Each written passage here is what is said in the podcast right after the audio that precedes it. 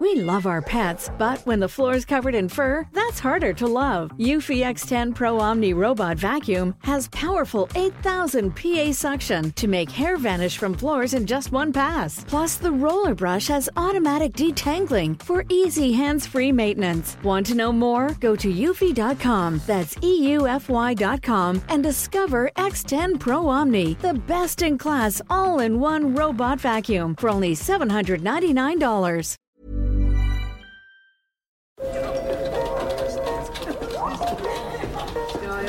Dette er lyden av norsk næringsliv.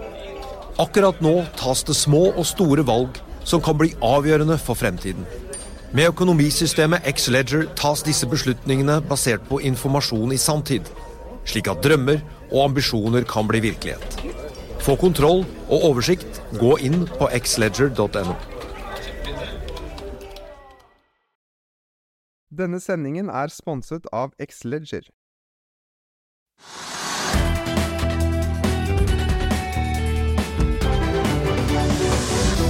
KKR vil kjøpe plastgjenvinningsselskapet Quantafuel. Nell satser videre i USA, men tar også tap på fyllestasjonene. Og vi snakker med Finner, som etter pandemien fikk en ny krise i fanget da russerne stengte luftrommet. Det er tirsdag 28. februar, og du ser på Økonominyhetene i det som har vist seg å bli en tettpakket nyhetsdag. Vi har også vært på Paretos kraft- og fornybarkonferanse og snakket med både Nell og Everfuel, som også er ute med nyheter fra hydrogenbransjen, får vi si. Mer om det straks. Hovedindeksen på Oslo Børs endte opp 0,86% i går. I dag har vi sett en oppgang på rundt 0,34% og dermed ligger vi da opp nesten 4,5% så langt i år. Ellers i Europa så er det litt rødt på de fleste indeksene rundt oss i Norden i dag, og litt blandet nedover på kontinentet. På Wall Street i går så får vi jo si at de lå ned mellom da 1 og 3,5 da så langt i februar, da børsene stengte noe opp i går kveld. I dag så peker futuresene mot en videre oppgang på ca. 0,3 da på februars siste børsdag. Oljeprisen ganske solid opp, rundt 2% både på den amerikanske og nordsjøoljen. Nordsjøoljen brent altså 83,60 ligger den på nå. Den amerikanske lettoljen stiger litt over 2% til 77,30. Apropos uh, olje, Quantafuel, som jo gjenvinner da oljeprodukter, plast holdt jeg på å si, til nye produkter og drivstoff, ble pauset tidligere i dag på børsen vi følger med, fordi handelen i aksjen skal komme i gang igjen hvert øyeblikk. i påvente da, altså Aksjen ble pauset da i påvente av en melding fra selskapet. og Meldingen er altså at fondet KKR vil kjøpe hele Quantafuel. Mange begynte jo å skjønne at noe var på gang hos Quantafuel. Deres kvartalsrapport for fjerde kvartal skulle jo egentlig kommet forrige tirsdag, men dagen før før eh, på mandag i forrige uke, altså like før ti på kvelden, så sender de da ut en ny finansiell kalender der fremleggelsen ble utsatt til i dag. Og i går ettermiddag så sendte selskapet ut en invitasjon til en vedkast, men eh, som egentlig da skulle skje klokken ni med tallslipp syv i morges, men da helt ute i 8.23, halvannen time nesten på overtid, så sendte de varsel om at fremleggelsen var utsatt til etter børsslutt, uten noe mer forklaring. Meldingen er altså at de i hvert fall har fått et oppkjøpstilbud på bordet. Aksjen var ned ca. 11% i forkant av pausen, ned til 6 kroner og 8 øre omtrent.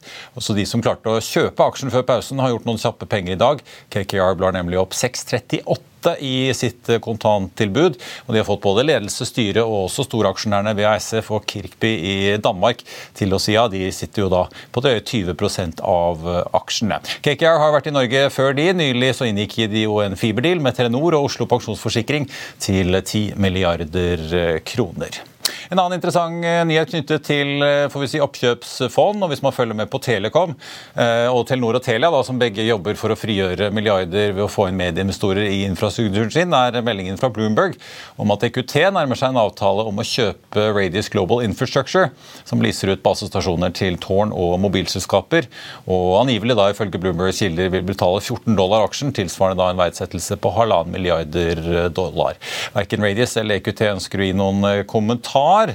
Radius, også kjent som AP Wireless, opererer jo da i 21 land. Og to tredjedeler av deres 6800 sider eh, ligger da i Europa, resten fordelt mellom Nord- og Sør-Amerika. Vi får også ta med at EQT er jo storaksjonær i fiberselskapet Global Connect, som vi snakket med her i forrige uke. Det klippet finner du på fino-tv. Flyselskapet Norse Atlantic tapte 1,3 milliarder kroner i andre halvår i fjor. Aksjen stupte så mye som 16 ved børsåpning i dag, men har hentet seg inn.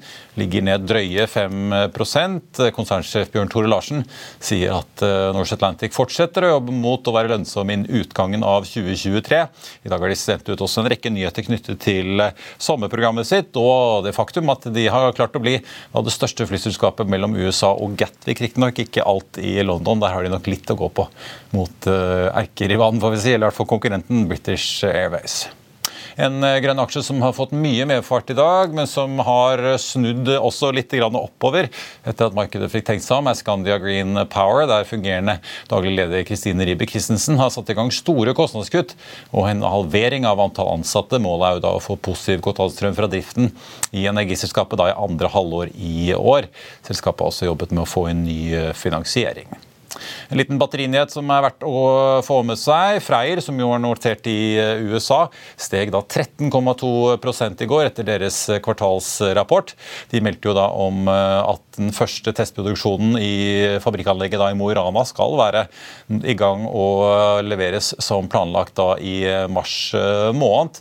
De har jo da kjøpt også en tomt i Georgia i USA. og regner jo med å sikre seg ulike støttetiltak på totalt da 410 millioner dollar for å bygge ut en batterifabrikk der, som i første omgang i hvert fall innebærer investeringer på 1,7 milliarder dollar. Freyr skriver at de nå vurderer alle muligheter for å kunne akselerere fremdriften på prosjektet i USA, gitt da innføringen av Inflation Reduction Act, som støtter opp om batteriproduksjon i eh, USA. Og Selskapet skriver også at de jobber med norske og europeiske myndigheter for å få plass et målrettet svar, som de kaller det, på Inflation Reduction Act da her eh, hjemme på eh, det europeiske kontinentet. Og De skriver eh, litt interessant nok at de fortsetter å utvikle da Giga Arctic, dette batteri, store batterifabrikkanlegget i Mo i Rana, i det de beskriver som en measured pace, altså en rolig og jevn fart for å sikre sitat, en optimalisering av prosjektets økonomi for, fra lokale insentiver. Dette er altså den store fabrikken i Mo i Rana som Freyr sa i juni i fjor at de hadde sanksjonert og som da skal innebære investeringer på over halvannen milliarder dollar. For øvrig så planlegger Freyr også en fabrikk i Finland som de kaller Giga-Finland. og De har leid en tomt der.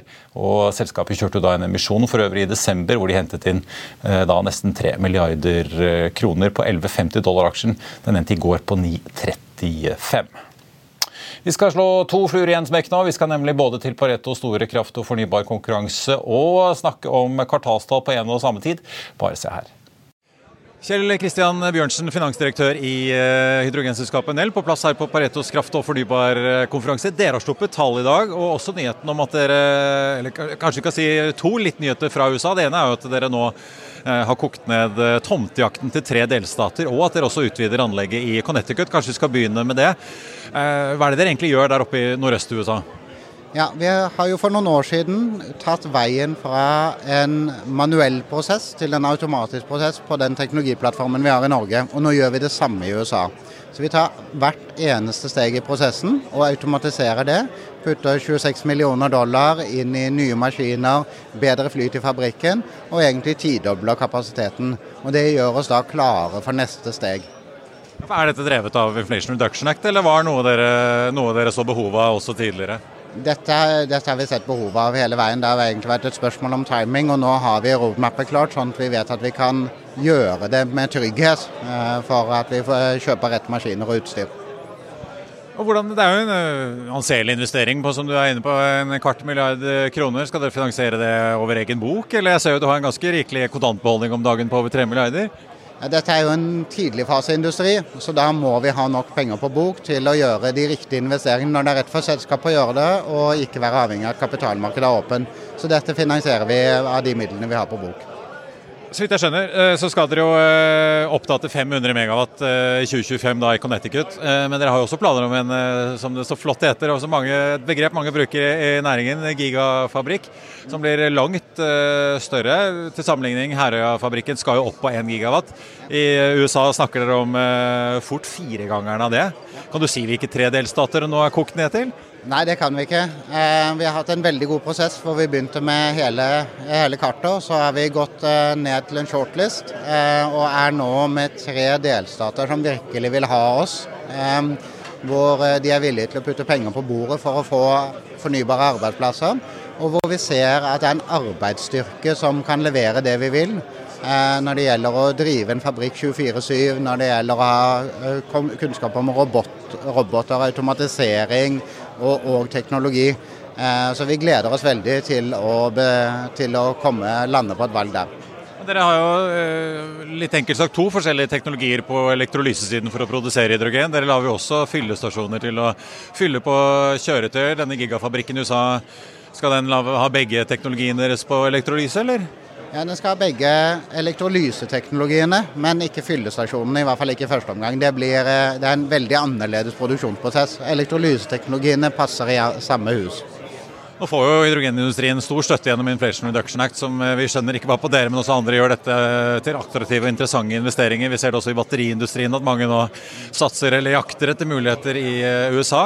Men si litt om, om eh, hvilke liksom, sluttbruker og etterspørsel dere faktisk ser fra denne fabrikken. Er det industriell produksjon av hydrogen? Er det til, til kjøretøypark eller industribruk? Altså, de store forbrukerne av hydrogen i dag er jo ammoniakk, også til gjødsel videre. Eh, det er metanol, eh, og det er i, faktisk i raffinerier hvor du oppgraderer råoljekvalitet. Og det er der vi ser de store forbrukerne til å begynne med. Du bygger et anlegg der for å dekke hele eller deler av det behovet, eh, og så har du kanskje noe til overs du selger til, til transport. Neste som kommer er stål eh, hvor du ikke klarer å avkarbonisere uten hydrogen. Og så kommer alle de andre bruksområdene kommer senere i køen. Til slutt må jeg snakke litt om eh, tallene. for eh, Inntektene deres vokste jo kraftig, men, men, driften hvis du ser på EBITDA-en, går jo da i minus. Eh, kanskje vi skal begynne med det først. En av faktorene dere peker på er jo kontrakter på elektrolyse inngått i 2020-2021. Hvordan, hvor da marginene er for lave. Er det inflasjonen vi har sett i mellomtiden som da tar knekken på, på lønnsomheten i dette, eller er det andre ting som, som gjør at kalkylen blir som den blir? Nå er vi så heldige da at vi på det tidspunktet skrev i kvartalsrapportene våre at det var veldig tøff konkurranse og pressede marginer, og det var jo sant. I mellomtiden så har konkurransen dempet seg noe. Folk har begynt å få fylt fabrikkene sine, så det er et mer balansert uh, marked nå. Det andre virkelig store er at vi måtte ta et bredt scope. Vi måtte levere mye mer enn det vi produserer selv. Og der har vi brent oss på gjennomføringen. Selv om vi har en kunnskap med oss, så har vi gjort feil. Uh, nå har vi veldig begrenset oss på hva vi skal levere fremover. Og vi har tatt med oss læringen eh, fra de første prosjektene. Det vil hjelpe oss videre. Og så vil jeg si Det tredje er nettopp til inflasjon, og kanskje særlig råvareprisen. hvor eh, det har kommet som en overraskelse på disse små. Eh, særlig Russland og Ukraina som slo hardt på nikkel, som er eh, viktig for oss. Ehm, der har vi nå på de nyeste kontraktene flyttet den risikoen over på kunden. Ja, det skulle si. Har dere enten sikret det at dere kan viderefakturere, eller at dere låser inn på innkjøpssiden fremover? Så på de nye kontraktene som vi begynner å se annet halvår i år eh, og videre inn i neste år, eh, der er det en helt annen scope. Altså smalere scope, det er sikring eller viderefakturering. Eh, og vi tar med oss all læringen som er gjort på de relativt små prosjektene som vi har gjort så langt. Til slutt må jeg inne på, Dere tar jo en, en nedskrivning på til sammen. da Det er to elementer her. Den ene goodwill, den andre teknologiverdier som er bokført på, på 327 millioner i da fueling-divisjonen, eller drivstoffstasjonene. Eh, dere snakker jo en del om, om eh, økte vedlikeholdskostnader etter hvert som bruken av disse stasjonene går opp, og en del av andre ting. Nell, dere er jo et selskap som har holdt på i mange år. Hvorfor, det kan nesten virke som barnesykdommer. Hvorfor dukker dette opp nå? Selv om bruken har vært liten, så har dere holdt på med dette her i mange år? Vet, eh, de første fyllestasjonene vi puttet, de puttet vi i Europa, og de ble knapt brukt. Og så priset vi garantiforpliktelser og serviceavtaler med fastpris eh, basert på den erfaringen, og det var en feil. Eh, når vi puttet eh, stasjoner ned i bakken i USA, og i Korea, hvor de faktisk ble brukt veldig mye. Og vi har en fordel i at vi har stasjoner som virker ganske bra i forhold til det som er standarden i industrien. Så kom disse vedlikeholdskassemannene opp veldig høyt. Det koster oss mye. Og så er det ikke til å stikke under en stol at fyllestasjoner for hydrogen er ganske komplekse med mange deler, og det er, det er et produkt som må modnes over noen år til. Men er det, øh, Sitter dere nå og vurderer om dette er noe dere skal fortsette å satse på videre, i og med at det er jo to ganske atskilte deler av virksomheten øh, deres, eller skal dere fortsette både med elektrolyse og, og fyllestasjoner? Altså Tilbakemeldingen vi har fra markedet er i hvert fall at eh, folk setter pris på de produktene vi har. Vi har et par veldig store energiselskap som ønsker å jobbe med oss over flere år for å se til at vi utvikler og forbedrer disse produktene. Sånn at når de store bruksområdene på langtransport, bussflåter, taxiflåter virkelig kommer opp, at det finnes leverandører som kan levere gode produkter. Så det at vi har de kundene med oss på laget, gjør at vi ser at dette er definitivt en fremtid for. Og noe dere faktisk også kan få betalt for? Absolutt. Og så er det et spørsmål om eh, skal vi gå hele den veien alene. Eh, det får vi ta etter hvert som vi går, men vi ser at vi har en basis som er verdt å bygge videre på. Og så får vi heller være litt pragmatiske til hvordan vi kommer frem dit. Hvis den riktige frieren banker på døren? Hvis det, eller hvis vi finner noen andre som vi kan jobbe med på et eller annet strukturert måte.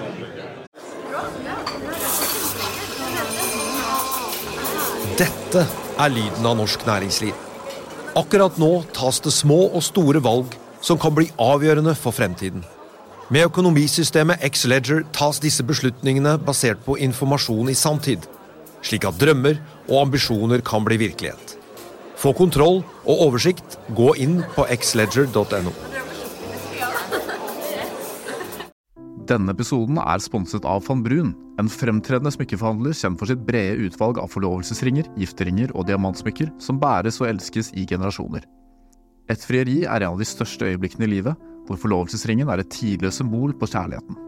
Valg av ring krever omtanke for både hvilket metall og diamant, med et bredt spekter av både naturlige og labdyrkede diamanter, og metaller som platina, gult gull, hvitt gull og roségull, hjelper de deg med å sette et personlig preg på din kjærlighetshistorie.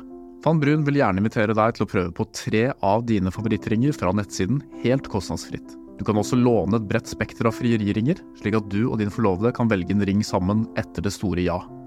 Van Brun tilbyr 90 dagers åpent kjøp og 90 dagers gratis størrelsesjustering. Utforsk deres eksklusive sortiment i luksuriøse omgivelser. Bok en konsultasjon sammen med en diamantekspert i deres showroom i Oslo. Eller online på vanbrun.com. V-a-n-b-r-u-u-n.com. Og Nel-aksjen er oppe 0,7 nå, har mistet litt fart. Vi har sett den oppe mot uh, godt over 2 tidligere i uh, dag. Uh, og Det blir mer om Pareto-konferansen litt senere. Vi har nemlig truffet sjefen i et annet hydrogenselskap som er ute med nyheter, nemlig Everfuel. Men nå skal vi til min neste gjest. og Hvis du trodde at din bedrift hadde møtt en eksistensiell krise, så blir du nok slått på mållinjen her nå, for selskapet vi nå skal høre fra, de ble først får vi si, tvangstengt sammen med resten av sine konkurrenter under pandemien. Men idet man kanskje trodde at den var over ting kunne bli normale igjen, ja, så invaderte jo Vladimir Putin Ukraina og stengte samtidig tilgangen til denne bedriftens viktigste i hvert fall tilgang til sitt viktigste marked. Ja, vi skal opp i luften. Og hvis du gjettet at vi skal til Finland, så gjettet du rett. Velkommen til oss, får vi si, nyutnevnt europasjef i Finner, Robert Lønblad. Takk. Takk for å være her. Eh, først begynne med noe litt hyggelig. da. Dere, dere ble 100 år i år, faktisk. Ja, det er Dere er jo en av verdens eldste, om ikke den eldste, omtrent. Det stemmer. det stemmer. Ja. Så det er ingen selvklarhet i disse dager. Og precis som du sa, det har vært ekstremt tøffe tider. Ja. Eh, og, og datoen er formelt til høsten, så det eh, ja. varmer fortsatt litt opp til uh, kalasen og festen. Ja, vi har litt tid å planere festen her, så det er jo november offisielt vi, ja. vi fyller. Så. Vi får gratulere i forkant. Du, du, har jo vært Skandinavia-sjef i Finner i mange år, nå europasjef. Ja. Men for, fortell litt hvordan det egentlig var internt i Finner da, med denne doble krisen. Først pandemien, åpenbart, som vi har sett Norwegian, IAG, Lufthansa, SAS, alle blir rammet av. Eh, men så får dere altså denne krigen som lander på en måte midt i fanget. Dere har jo spesialisert dere på ekspressveien eh, mm. via Helsinki til Tokyo, Seoul, masse destinasjoner i Kina, og på en måte hatt ordentlig grep om, om det markedet i allianse da med, med British Airways bl.a. I, i One World. Uh, og så plutselig er det bare stengt. Ja. Hva tenkte dere på kontoret da liksom dere skjønte at nå er det bare Nei, dere kan ikke fly? Ja, ja hva skal man si? Ja, dere kan jo fly, men det er en stor ja. omvei. da, for å si det sånn. Ja, det er klart, og vi flyger fortsetningsvis, men vi kan komme inn på det. Men det, det er så klart at man tenkte at det kan ikke være sant. Nei. At, hur er det mulig? Uh, samtidigt kanske det som är turen i oturen är att vi hade en jättekris innan med pandemin. Så vi var ju tvungna att ställa om vår verksamhet redan då och kanske lära oss nya sätt att jobba och vara mycket mer agila än, än tidigare.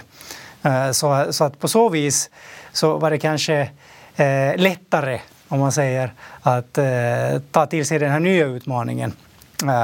Men det är klart att eh, vår huvudstrategi hittills har varit, och den är faktiskt delvis fortfarande vår strategi, är den snabba vägen till Asien. Och vägen är fortfarande ganska snabb eh, än idag. Ja. Så, att, så att om vi nu tänker på den affärs... Ja, for ta liksom, Ja. du skal fly til Tokyo, da, for eksempel. Altså, hvor mye lengre tid tar det egentlig Ja, det, det, det är klart att eh, det, vi pratar om eh, ungefär tre timmar per riktning. Ja, så, så det har jo betydelse for hvem som helst. Men ok, det gjelder jo alle flygbolagen. I og med at alle måtte fly rundt omkring. Så, så det har en, en betydelse. Eh, vi må snakke litt om hvordan dere har eh, tenkt å håndtere dette her, da. Men, men si litt først om hva tør dere egentlig planlegge for når det kommer til Russland? Vi har jo hørt SAS var ute med sine kvartalstall her i forrige uke, og de har jo for så vidt sagt det samme tidligere, at de i overskuelig fremtid så vil ikke de regne med at Russland åpner opp igjen for flygninger. Er det, er det det som på en måte er baseline og er utgangspunktet deres også, eller hva Ja. tenker dere? Ja, tyvärr så er det utgangspunktet for vår verksamhet også, vår strategi framover. Så vi måste fundere på andre sett, og en del i det også at vi har liksom lagt om delvis vår strategi. Asien är fortfarande en väldigt viktig marknad och vi har goda förbindelser till flera goda, stora städer där. Men eh, då har det även tillkommit Mellanöstern, Indien och USA där vi har lagt till med flygningar. Ja, for, vi bare si litt, Dere kom jo da, får vi si, dere kaster jo rundt eh, og kom i fjor høst med en uh, ny strategi. Ja. Uh, dere har jo selvfølgelig fløyet til USA før også, fra Ja. Helsinki. Men nå skal dere plutselig gå i ganske tett allianse med Qatar Airways. Ja. Uh, og bruker da Doha som en Selvfølgelig, Helsinki er hjemmebasen, men likevel Doha blir en slags second home away from home, eller? Exakt, det, det blir jo liksom en eh, mulighet for oss og even for alle resenærer i, i Skandinavien, eller ja, bortsett från Oslo då, men i, Norden kan vi säga. Eh, och då flyger vi både från Stockholm, Oslo och Helsingfors direkt till, till Doha. Och då finns det tillgång till Qatars stora nätverk Ja. vidare därifrån. Och det, det är dels eh, den delen, men samtidigt så är det en möjlighet för oss i och med att flygtiderna är längre. Och en del av vår flotta utöver Airbus 350 som vi har, så har vi ju 330 år. Och deras räckvidd läcker inte till att flyga till Asien, så det här är en väldigt bra möjlighet både for Qatar Airways og for oss at, at nytte vår eh, Ja, men er det sånn at Qatar har sluttet å fly til Helsinki da, fordi dere tar eh, så å si all trafikken, eller? Ja, precis. Ja. Vi flyger i stedet for Qatar eh, på den rutten. Men snakk litt om, eh, jeg vil høre litt om, for at Dere har jo tidligere inngått partnerskap med norske Widerøe annet, for Ja. å fly asiatiske turister da, via Helsinki. og så har Widerøe eller dere fløyet dem rett til Tromsø eller Lofoten. eller eh, Kommer det asiatiske turister fortsatt? eh, Eller Hvordan ser det markedet ut nå? Ja, det, vi hoppas ju verkligen att de hittar tillbaks. Såklart eh, det som Kina har jo vært stengt eh, Ja. de facto med pandemien Ja. ganske lenge. Ja, det positive er at nå har de åpnet opp, og och det har jo også skjedd i Japan. Så spørsmålet frågan er kanskje der at når kommer de å begynne å reise ut? Og vi ser den indikasjonen på at f.eks. fra från Japan som öppnade opp litt tidligere, at det finnes interesse her mot slutet av året å komme mot uh, Europa og även Norden. Ja, Så kanskje måtte ja, ha utover høsten Ja, precis. Ja. og, her er jo det her samarbeidet med, No- med Widerøe veldig viktig også for oss For at uh, de gir jo oss en rek, rekkevidde inn i viktige destinationer i, i Norge. Som, Da har vi jo Bergen og Trondheim og og så Tromsø som er ny kommer Bodø i, i sommer også. Alt var Norge det by på. Ja. Ja, Utover Oslo da. Så Ja. men, men det flyger vi selv, men der kommer Widerøe inn. Så de er jo en veldig viktig partner for oss även framöver. Men det er ikke sånn at disse turiststrømmene de går pga. reisetid, så går de heller til mer Paris, Spania, England, Italia? Og at Nei, nei. Norden blir liksom mindre interessant? Eller? Eh, jag, jag skulle inte säga att det är kanske restiden i sig, utan jeg jag ser det mer som så att när efterfrågan återhämtar sig, då kommer vi att se en efterfrågan även till Norden och Norge. För Norge har ju alltid varit intressant för de asiatiska turisterna också. Uh, men eh, det är klart att uh, de stora destinationerna troligtvis kommer först, Paris, London, och så följer eh, de andra städerna därefter. Nå har dere et mål om å levere positivt driftsresultat fra 2023, så vidt jeg skjønner. Eh, Den finske staten sitter jo med litt over 50% eierskap nå. Hadde dere overlevd uten Dere har jo kjørt emisjoner, fått inn Ja. både privatkapital, men også mye kapital fra myndighetene. Hadde dere overlevd uten å ha staten som eh, alliansepartner og investor, tror du? Ja, man kan jo alltid spekulere i om, om vi hadde gjort det eller ikke. Det er klart at uh, de her lånen, det er jo lån vi prater om, har muliggjort det og liksom gitt en sikker grunn å stå på uh, liksom for framtiden også. Eh, och, och det er klart at pandemien pandemin brände ganska mycket av det sterke kapitalet vi hadde i, i botten redan. Kassen var stark når vi gick in i pandemin. Men såklart, eh, eh vi behövde ju de här... Varenda euro, ja, allt, allt, att, ja. som en följd av det så är vi ju ganska skuldsatta och, och det har ju också tvingat oss fram till ganska stora besparingsprogram för att kunne kunna återbetala lånen och samtidigt investera i framtiden. Vilket vi också gör nu i och med att till exempel under pandemin och, nu, oavsett den här krisen eh, i Ukraina så eh, har vi gjort jättesatsningar på, eh, på vår flygplans förnyelse av flygplansflotta, det vill säga själva kabinen. Så vi, vi satsade 200 miljoner euro i att, och det, det är pågående nu. Och det har ju också påverkat vår NPS-rating ganska, ganska positivt. Så långhållkabinen från och med början av nästa år är helt ny.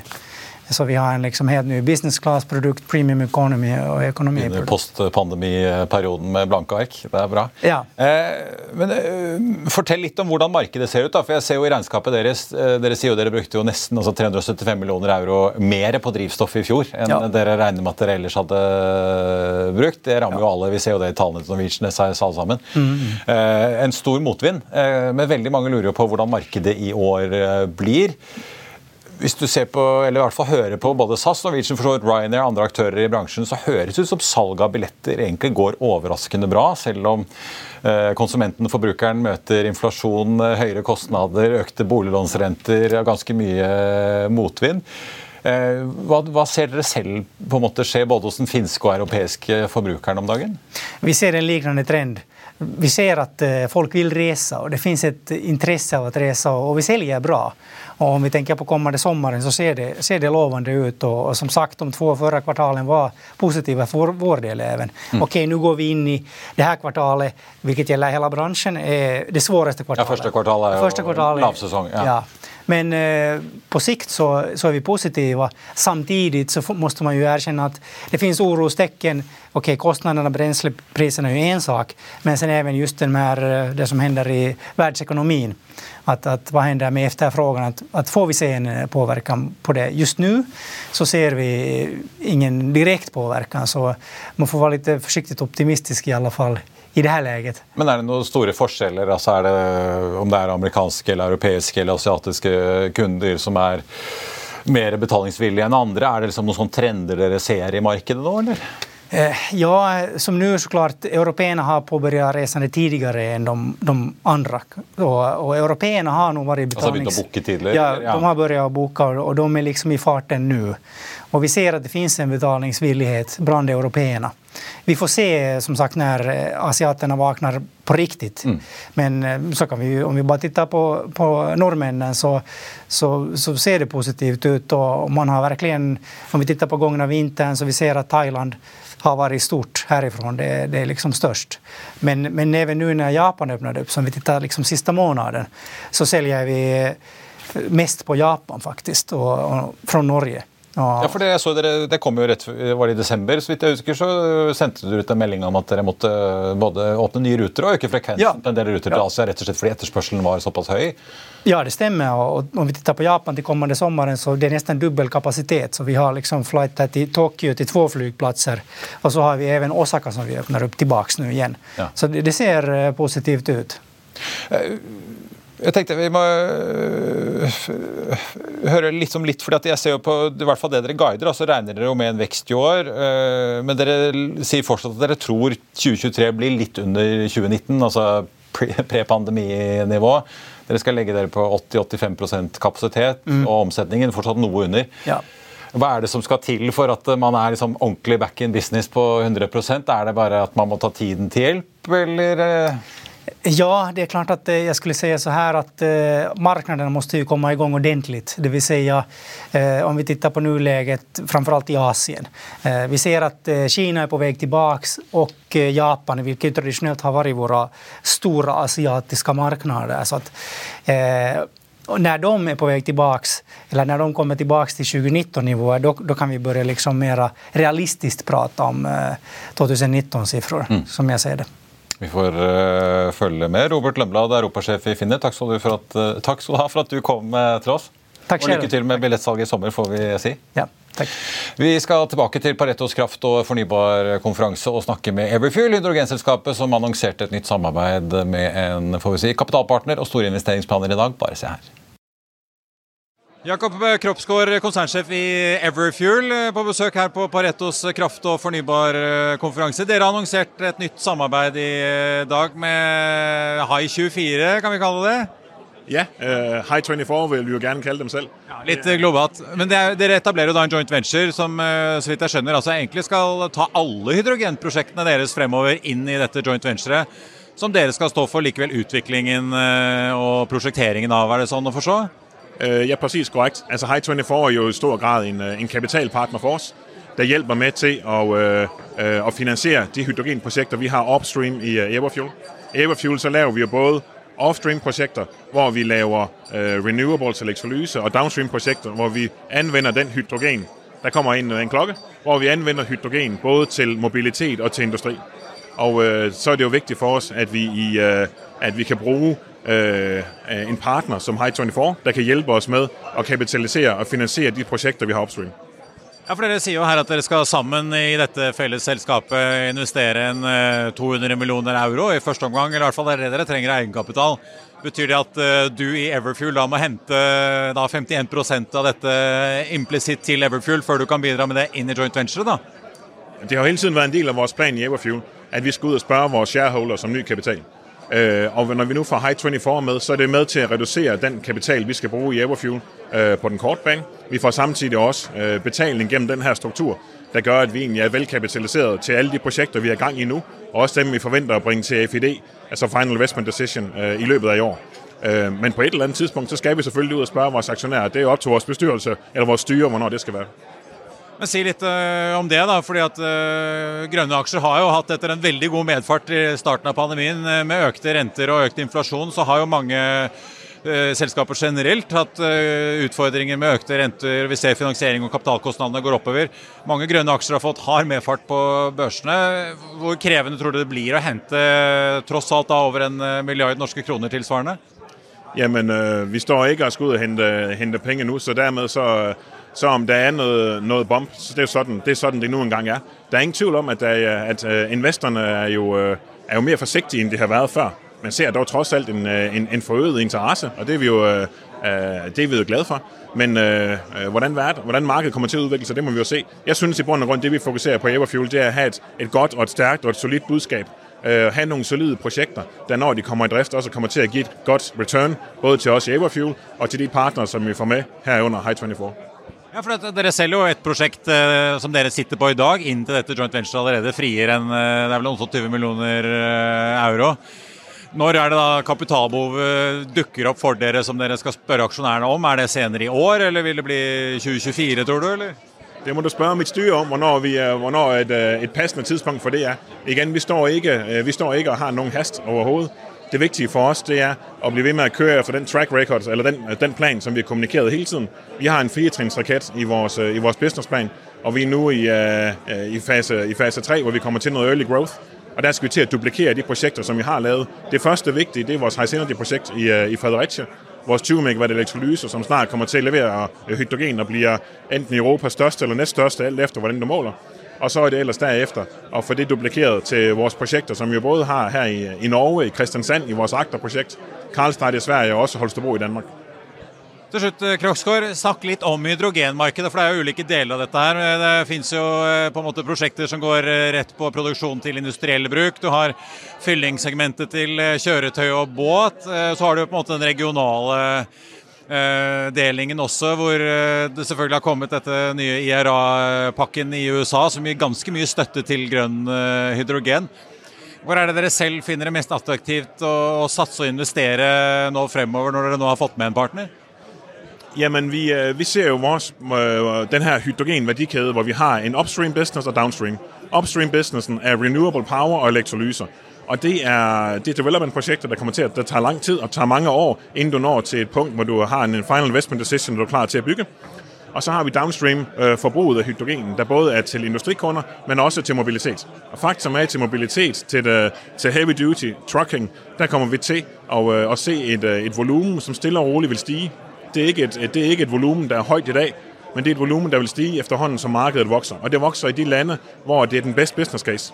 Og det er faktisk der hvor man i, øh, i EU jo har implementeret Renewable Energy Directive 2, og man har defineret RFNBO, Renewable Fuel of Non-Biological Origin, der faktisk ender med at gøre det attraktivt at, øh, at drive øh, hydrogenstationer.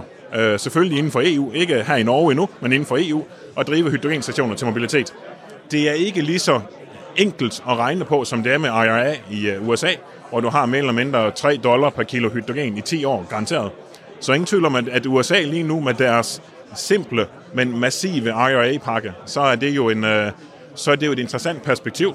Øhm, og, og, det, og det er jo sådan, det er. Men til gengæld så gør det også, at europæiske politikere virkelig har funnet ut at de skal skynde seg, og de er godt i gang. Så det er åpenbart også mekanismer i Europa som øh, driver frem etterspørselen av de kommende årene? da? Det er Europa nødt til å gjøre. Øh, og man kan si, hvis, hvis Europa, og særlig de europæiske politikere, ikke får det gjort attraktivt øh, at fortsette med å investere i hydrogen, det tror vi på, og det tror High24 på. Det er derfor vi er gået sammen om å lave det her joint venture. For europæiske politikere ikke gjort det attraktivt og simpelt så er det klart, så forbliver det ved små investeringer. Og så kommer de store investeringer til å starte i USA i, i forhold til IRA. Men det tror jeg faktisk ikke på. Jeg føler meg meget sikker på, at det kommer til å være øh, lige så attraktiv, måske ikke lige så lange rammevilkår, men lige så attraktiv i Europa. Velkommen tilbake. På tappen av sendingen så tenkte jeg bare å runde av med å titte litt på da selskapene som har preget nyhetsbildet i dag. Everfuel, som vi akkurat hørte fra, opp 0,1% da så langt i dag. Har mistet litt av oppdriften de hadde eh, etter da nyheten også om at de får med seg en eh, medfinansieringspartner. Nell eh, har også mistet litt grann fart. De har svingt, vært både i rødt og grønt i dag, men de er nå omtrent midt på treet sammenlignet med kursutviklingen tidligere i dag. Opp da 0,9% til 15, nesten 80 øre aksjen.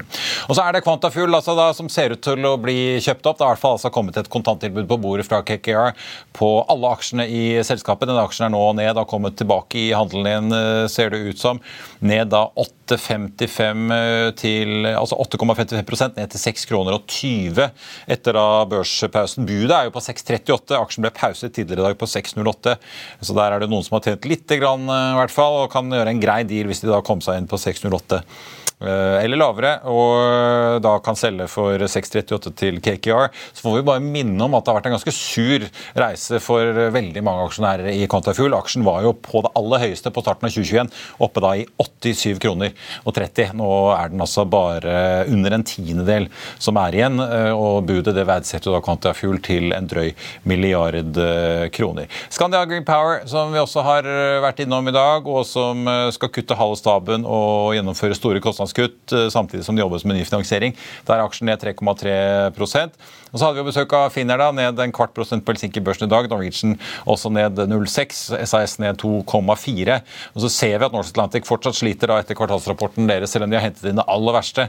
Aksjen ligger fortsatt ned 6,4 poeng. Og Så har vi hovedindeksen på Oslo Børs. Der ser det hyggeligere ut, opp 0,4% Vi får god drahjelp av oljeprisen, som det er bra fart i nå i ettermiddag. Opp 2,2% på spot spotprisen på nordsjøolje til 83,80 ligger vi nå. Den amerikanske lettoljen opp nesten 2,5% til 77,60. En av de mest omsatte aksjene, Cool Company, der eh, har eh, skjedd en trade med Golar, som gjør at omsetningen selvfølgelig blir eh, veldig høy. Nesten dobbelt så høy som Equinor. Cool Company har sluppet kvartalsfall også opp da 5,3% Ellers har vi Aker BP og Equinor. To av tungvekterne på børsen, begge opp en drøy halvprosent i dag. Ellers så ser vi også at Hafnia, som har levert rekordtall eh, og i sin kvartalsrapport altså, også veldig høyt omsatt i dag, ligger på en fjerdeplass nå. Eh, foran Frontline, som er ute med sine tall, men den uh, Hafnia-aksjen ned da nesten 5 uh, så langt i dag.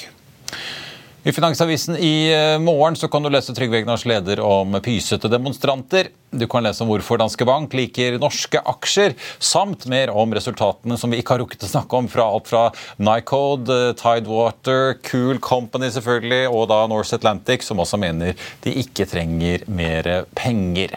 Og Det var sendingen vår på denne hendelsesrike 28. februar. Vi håper å se deg igjen vi er tilbake med Børsmorgen 08.55 i morgen og Økonominyhetene 14.30 direkte. Begge to altså fra Sparebanken Markets energikonferanse på Grand Hotell i Oslo. I mellomtiden ønsker vi deg en riktig god dag videre. Siste nytt får du som alltid på FA1 Takk for nå.